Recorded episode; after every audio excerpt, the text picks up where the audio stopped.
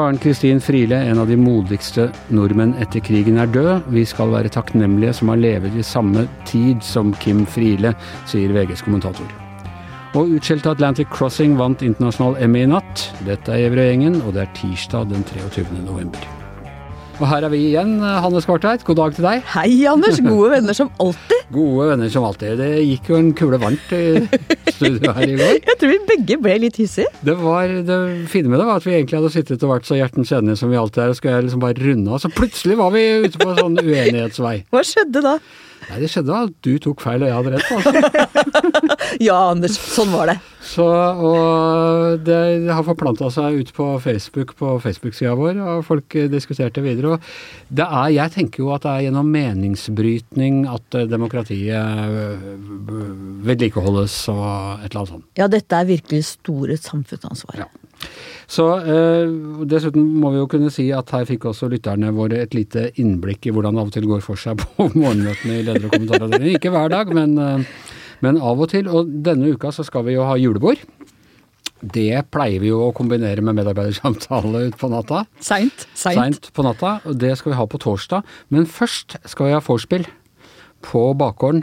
Det er det jeg gleder meg mest til, egentlig. Ikke sant? Og da kanskje vi klarer å fyre oss opp allerede der. Eh, Og hvis lytterne kommer og hører på og heier og liksom opptrer som litt sånn hooligans, så kan vi få ordentlig god stemning før julebordet. julebordet. For vi har jo ganske skarpe gjester òg. Vi har skarpe gjester. Det er eh, Rasmus eh, Hansson fra MDG.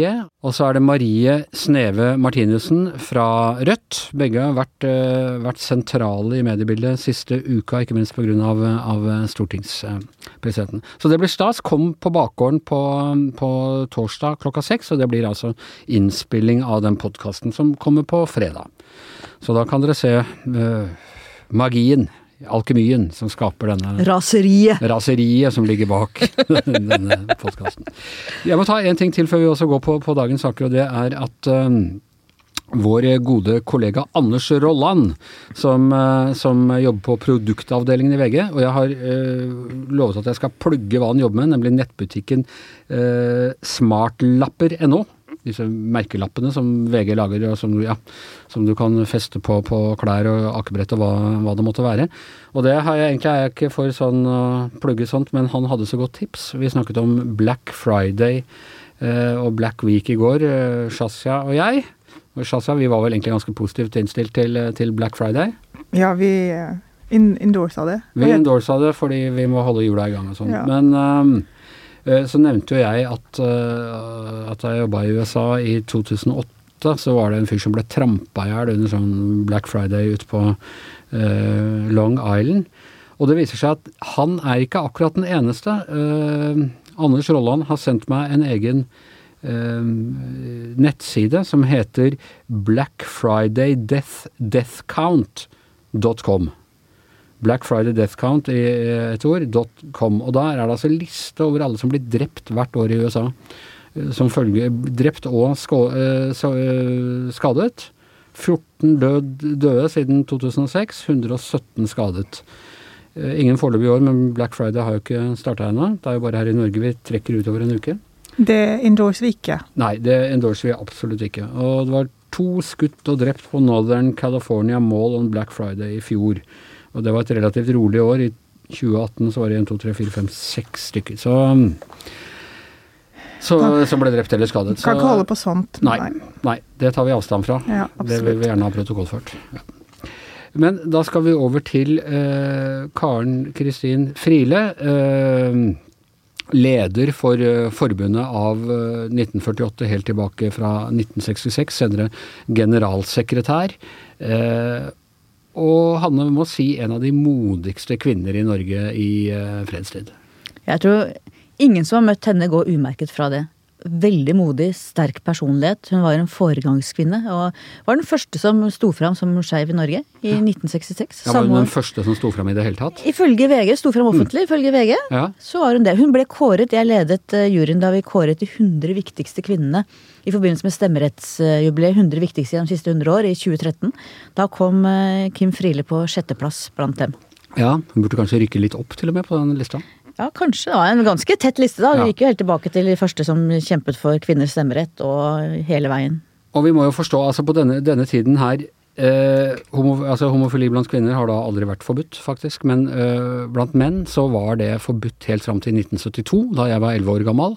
Og i 1978, da jeg var 17, da fjernet de det som psykiatrisk diagnose.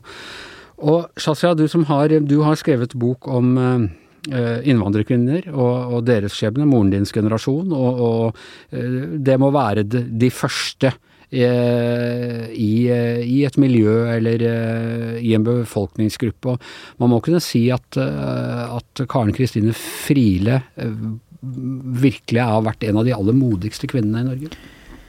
Jeg satt og tenkte på det. Jeg har ikke Jeg har ikke hatt det tette forholdet til Kim Friele på den måten som dere har.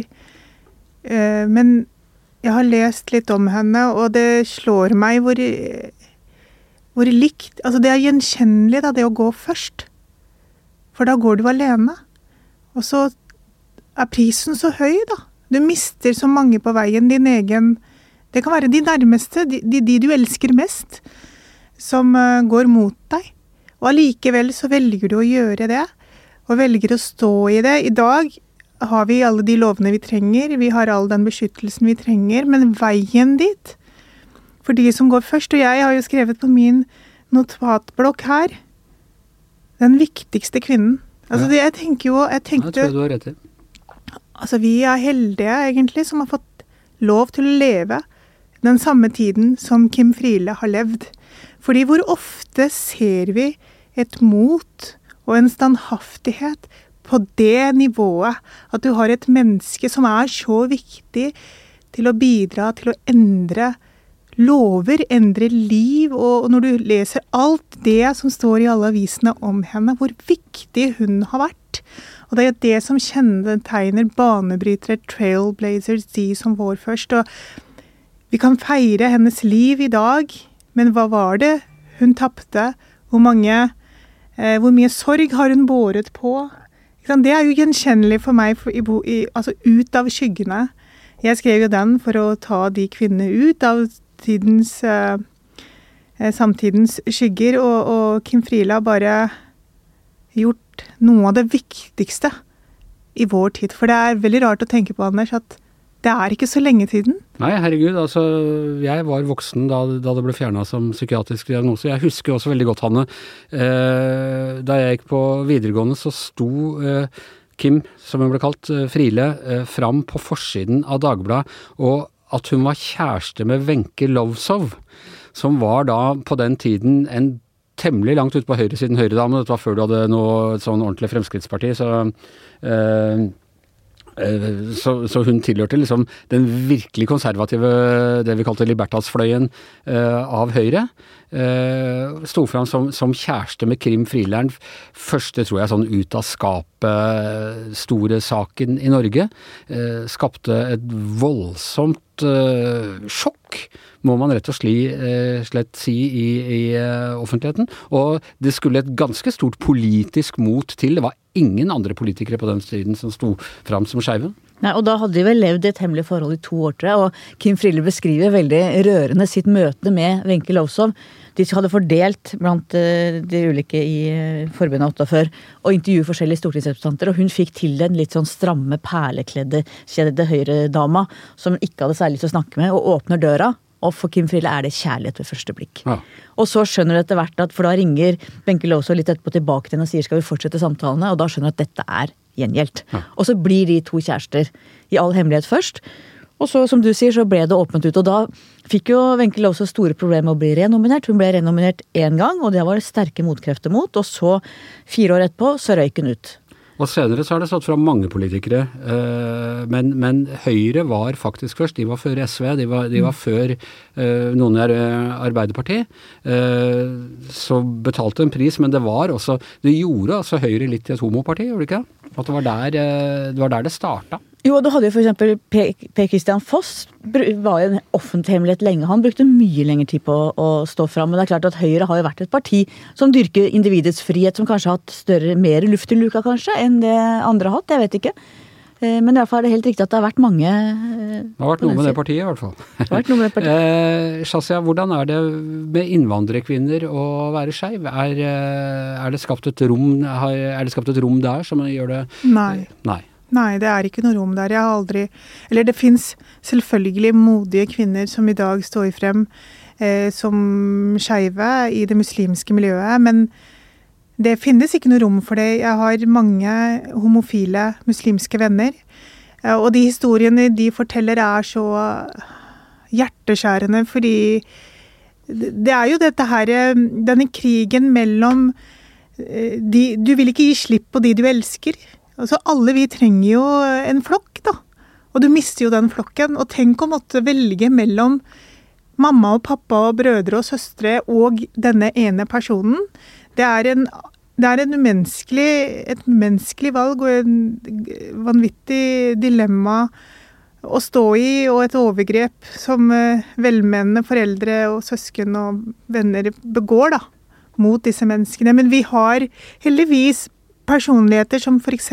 Noman Mobasher, som er eh, åpen homofil, eh, og er en av de første så, som var det. Og jeg tror det har så stor verdi da, at det Og det er derfor jeg, jeg bare ser hvor viktig den som går først, blir. Og jeg tenker at Kim Frieles bortgang er også en påminnelse på hvor lett det er for oss å glemme alt man har kjempet for, hvor, hvor harde disse kampene har vært. Og det, denne gangen så gjelder det homofiles rettigheter, men tenker også på kvinners rettigheter. Så det, det, har, eh, det er mye som er forsaket, og mye som er ofret for at vi sitter her i dag og har alle disse frihetene og det livet og den likestillingen vi har i Norge. Så det trengs en, eh, en Kim Friele blant eh, muslimske innvandrerkvinner. Ja, det gjør det, Anders. Og bare for å minne om når Shazia sier at eh, kampen er ikke vunnet for alltid heller. Eh, Kim Friele sa da hun ble intervjuet i VG i forbindelse med denne kvinnekåringen, hun advarte så at dere må det er ofte like vanskelig å forsvare rettighetene som å vinne dem. Så hun sier at jeg sier til alle unge, lås døren om natten så ingen kommer inn og stjeler alt du har kjempet for og oppnådd. Det er fine ord, og jeg er enig med deg, Shazia. Vi skal være takknemlige for at vi har levet i en eh, tid med, med et menneske som, eh, som eh, Kim Friele.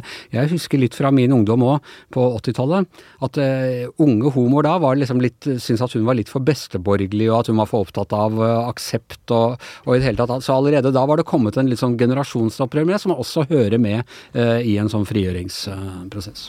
Det er, det er lett å kanskje si det og mene det for oss i dag, men for de som går først, da, og som faktisk ønsker eh, normative endringer, endre lover, de må både være eh, opprørske og rebelske, men samtidig fungere innenfor eh, rammene for å kunne gjøre de endringene, sånn at du kan stå på barrikadene og, og gjøre hva du vil. Ja. Ja, ja, Så det, For at alle skal kunne hylle deg når du er ikke død. Ja, ikke sant.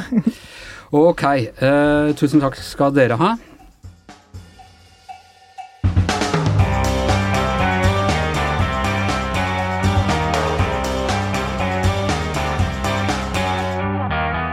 Ok, vi skal over til en annen sak. Uh, Yngve Kvistad, du og jeg vi eh, diskuterer ofte TV-serier, og vi har uh, vel begge ridd litt den der kjepphesten at i kunsten så er det lov til å ta seg visse friheter som du ikke kan ta deg i journalistikken. Ja, det syns jeg absolutt. Ja. Så hvor står vi i debatten om Atlantic Crossing, som da forteller historien om hvordan uh, prinsesse og hva den heter igjen? Märtha. Märtha. Kronprinsesse Märtha. Kronprinsesse Märtha, svenske kronprinsesse Märtha, vant annen verdenskrig. Hvor vi står i den debatten? Nei, altså Sist uh, vi snakka om det, så var vel litt der at vi som du sa, vi, vi mener at man kan ta seg en del kunstneriske friheter i, eh, i fiksjon, sjøl om at det er historisk uh, fundert. Uh, Jeg er veldig enig med vår kollega Hans Petter Sjøli, som i et debattinnlegg på denne Facebook skrev at det var en veldig sånn overspent debatt. Og det er jeg litt enig i, for det var liksom sånn enten-eller. Du hadde Tor Boman Larsen, eh, vår store kongebiograf, som kom ut og sa at dette var fake history. Det var anmeldere som uh, fresa mot uh, serien for at den var både dårlig og historisk ukorrekt og, og så. Og uh, da tenker jeg at det går an å se på det som et stykke fiksjon. Altså, det var en TV-serie. Det, det, det, var mer fjernsynsteater enn TV-dokumentar. Uh, så Det er krigen, for det er touchet dette med krigen ja. i Norge. Altså, altså da, da, de første anmeldelsene av serien kom, så var reaksjonene både forståelige og forutsigbare. Uh, de var forståelige fordi at uh, man hadde tatt seg en del historiske eh, friheter, og så var den forutsigbar fordi at nettopp derfor. For at da, da, da kommer hele historikerkoblet på, på, feltet og sier at sånn var det ikke. Men det, det er liksom det som er forskjellen mellom eh, å skrive et historisk essay og det å, å lage TV-drama, det er at man kan ta seg disse frihetene. Og mye kjeft uh, har de jo fått av Kringkastingsrådet og, og jeg vet ikke hva. Ja, og så går de altså hen og vinner internasjonal Emmy uh, i New York i natt. Og ikke sånn, ikke sånn pris for beste etterarbeid med lyd, men, men selve beste TV-serie. Det beste TV-serie eller TV-film, som er vel kategorien. Ja. Så du kan si at det her er vel uh, Alexander Eiks uh, hevn over nerdene. Det er ikke nerdenes hevn, men det er det, det, det, det motsatte. Ja. Uh, og det var sider ved den serien selvfølgelig som vi kan som diskutere, også rent sånn kunstnerisk, men, og faktuelt, ikke minst. Men jeg satt jo og så den serien med, med, mine barn, som var veldig opptatt av dette. Jeg syntes det var veldig fascinerende. Og, og selv om vi også snakka underveis at det var kanskje ikke sånn det foregikk, så, så er det jo, et, altså det er jo basert på eh, historiske hendelser, det er historiske personer, men nettopp derfor så blir det også det veldig vanskeligere. for at TV-drama og dramaturgi er noe annet enn en, uh, gjengivelse av, av, historiebøker. og det, altså Dramaturgi det er litt sånn som holdt på å si tabloidjournalistikken. Du er nødt til å ta noen valg, du er nødt til å fokusere på noen enkelthendelser, noen konflikter for at det skal fungere og leve og fly, da, som vi snakker om. Så, så Men der er jo forskjellen på journal, for selv tablo, den mm. mest tabloide journalistikken må forholde seg må til, til, fakta. Ja. Og, og, det var vel kanskje litt med måten de solgte den inn på også, jeg, eh, som gjorde Jeg tror det. Jeg tror det at det var nettopp det at, at det ble av en eller annen grunn oppfatta som at dette var Uh, historisk drama uh, i den forstand at uh, slik skjedde det, og på denne måten. Og blant annet det at, at Märtha nærmest alene fikk æren for å ha fått Roosevelt til å gjennomføre den Lend Lease Act. Eh, som da var det programmet hvor amerikanerne Men Var det sånn viktigere enn bombinga av Pearl Harbor? Ja, ikke sant. Og, og, og iverksatte det programmet da, som, som, fikk mat og olje og materialer til, til Europa og, sånn betalt av, av, Amerika. Det var kanskje ikke sånn helt sånn eh, det foregikk, men det var jo sånn dramaturgens uh, valg, da. Jeg jeg syns vel også den debatten i etterkant er litt sånn klassisk for det der med altså hvordan man forventer at uh, publikum ikke forstår. Altså, er, for meg så er det litt sånn, man ser det litt i det gamle uh, ordet som var Walter Cronkite som i sin tid sa at du skal ikke overvurdere seernes kunnskaper og ikke undervurdere uh, hennes intelligens.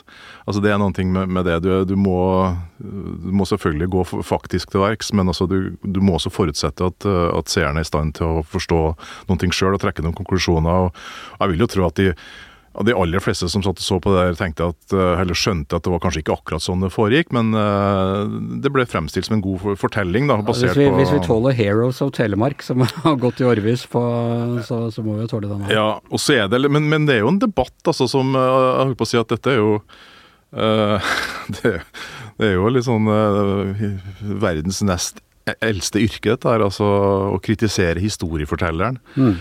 Eh, det går jo veldig langt tilbake når, når, når folk har skrevet dramatikk eller gjenfortalt historier med om virkelige personer. Folk var alltid ute etter Snorre, vet du. Han måtte gjemme seg. Ja, men ikke sant. I, i, I, Norge så hadde vi jo altså Da Bjørnson skrev skuespiller om Paul Lange og Tore Parsberg, så visste jo alle samtidig at det handla om det unevnelige selvmordet til statsminister Ole Richter på, på ministerhotellet i Jeg er ikke sikker på om alle visste det, Yngve. Ja, men, men uh, Georg Brandes visste det. Georg Brandes visste det i hvert fall. Men, men altså, jeg, de, de, fikk i hvert fall vite etter hvert, da. Og, og, det ble jo da selvfølgelig kritikk av det. Samme med uh, altså, dukkehjemmet av Ibsen som handler om Laura Kielers historie og sånn. det å bruke faktiske personer og putte det i en drama, dramatisk sammenheng, det, det er mer veldig, veldig vanskelig. på, på nøkkelromanen og sånn. Ja, Ja. Og, men, men, at, jo, men altså, det er jo det samme her at I det øyeblikket at man, man, man bruker faktiske personer, historiske personer, eh, ting som har skjedd, så, så, så forventer eh, noen da, at det skal være helt eh, gjengitt, altså som uh, historiedosenten ville ha fremlagt det. Jeg tror de fleste forstår- som vil forsvare seg nå, vil si jo da, litt kunstnerisk frihet, men det får da være måte på. Ja, men Ta debatten i Storbritannia da, omkring The Crown. Ja. Altså de, de, de fleste i eh, nei, Jeg skal generalisere de fleste, men altså mange da i Norge som har kritisert den serien her, de sier ja, men se på The Crown, se Mm. altså, hvor de har gjort det der. Og, men i Storbritannia går det nøyaktig samme debatten. Altså Der var det jo øh, forut for siste sesong, nå, eller midtveis i siste sesong, så var det jo sterke krefter i, i konservative presse, særlig Daily Telegraph, som ville at, at øh, Netflix Jeg ville pålegge Netflix å ha en sånn øh, disclaimer i forkant av serien om at uh, dette er fritt etter, eller dette er drama dramatikk, ikke sant? Fordi For at det var ikke sånn det skjedde. Eh, den- historiker som heter eh, Hugo Vickers, som eh, forut for hver eneste sesong av The Crown har skrevet et kjempelangt essay i The Sunday Times, der han liksom går gjennom hva er fakta, hva er fiksjon, osv. osv. De fleste Uh, altså heller alt som skjer i The Crown, er, er stort sett biografisk riktig, men kronologisk uh, tilpassa sånn TV-formatets dramaturgi. skjedde. Nettopp. Sånn at han snakka ikke med dronningen, han som krabba inn gjennom vinduet. Nei, og, og, og sånn som han, han som uh, altså privat, Dronningens privatsekretær som, som, som forteller dronninga om at, øh, at uh, prinsen av Wales er, er, har kommet bort i, i en, et ras i Alpene. Uh, han gikk av med pensjon skal vi se, sju år før den hendelsen fant sted. Dessuten så regna det ikke den dagen. Nei, det var også helt riktig. Du, Nei, så- bare helt til slutt, hva er eh, internasjonal Emmy? Hva er forskjellen på det og nasjonal Emmy? Nasjonal Emmy? Altså, Ja, den, altså den den, vanlige den, vanlige Emmyen. Nei, det, det er jo det at den er vel kanskje et litt mindre format, da. Også det betinger vel også at eh, det skal ha Altså i den, i den store Emmy-awarden så betinger at det skal være sendt på amerikansk fjernsyn. Ja. Og det sitter jo Dette er sitter jo- europeisk og det sitter jo, ja, ikke sant, og det sitter jo øh, journalister, Foreign Press Association, er vel som, som, som øh, er sekretariat og deler ut den i, i USA. Eh, Dette vet du Kona mer mi enn har sittet Ja. i juryen der, så jeg har vært på internasjonal Emmy. ja, men det er på det internasjonale i New York, ja. Mm. Så det, det var stas. Og vi må jo da også nevne at vår favoritt uh, eh, Førstelytter. eh, førstelytter.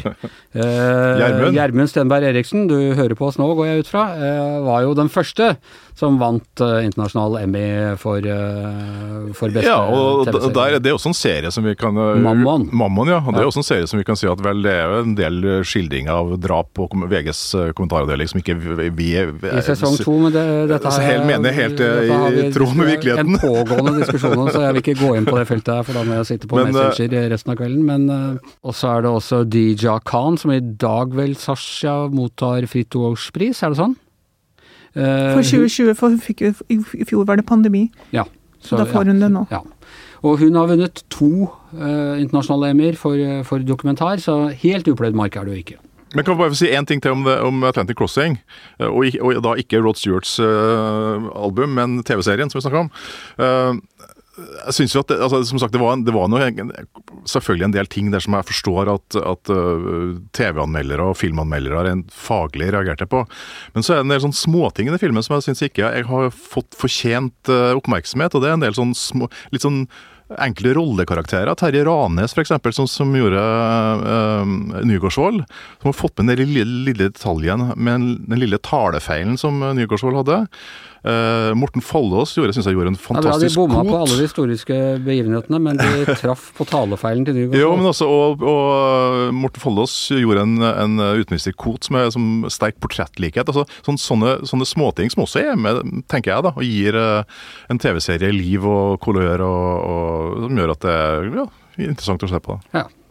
Ok, eh, gratulerer i hvert fall så mye til, eh, Alexander Eik. til Alexander Eik og, Og- til alle ja. andre som har jobba med Atlantic eh, Crossing. Det er Vel fortjent å få litt uh, oppreisning. Alle liker en sånn historie sånn Ja, de ble dømt av kritikerne. Så, ja.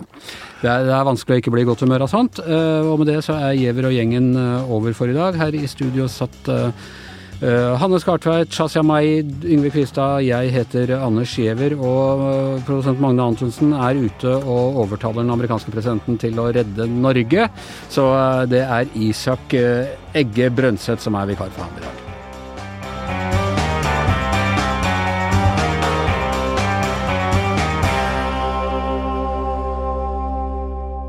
Du har hørt en podkast fra VG.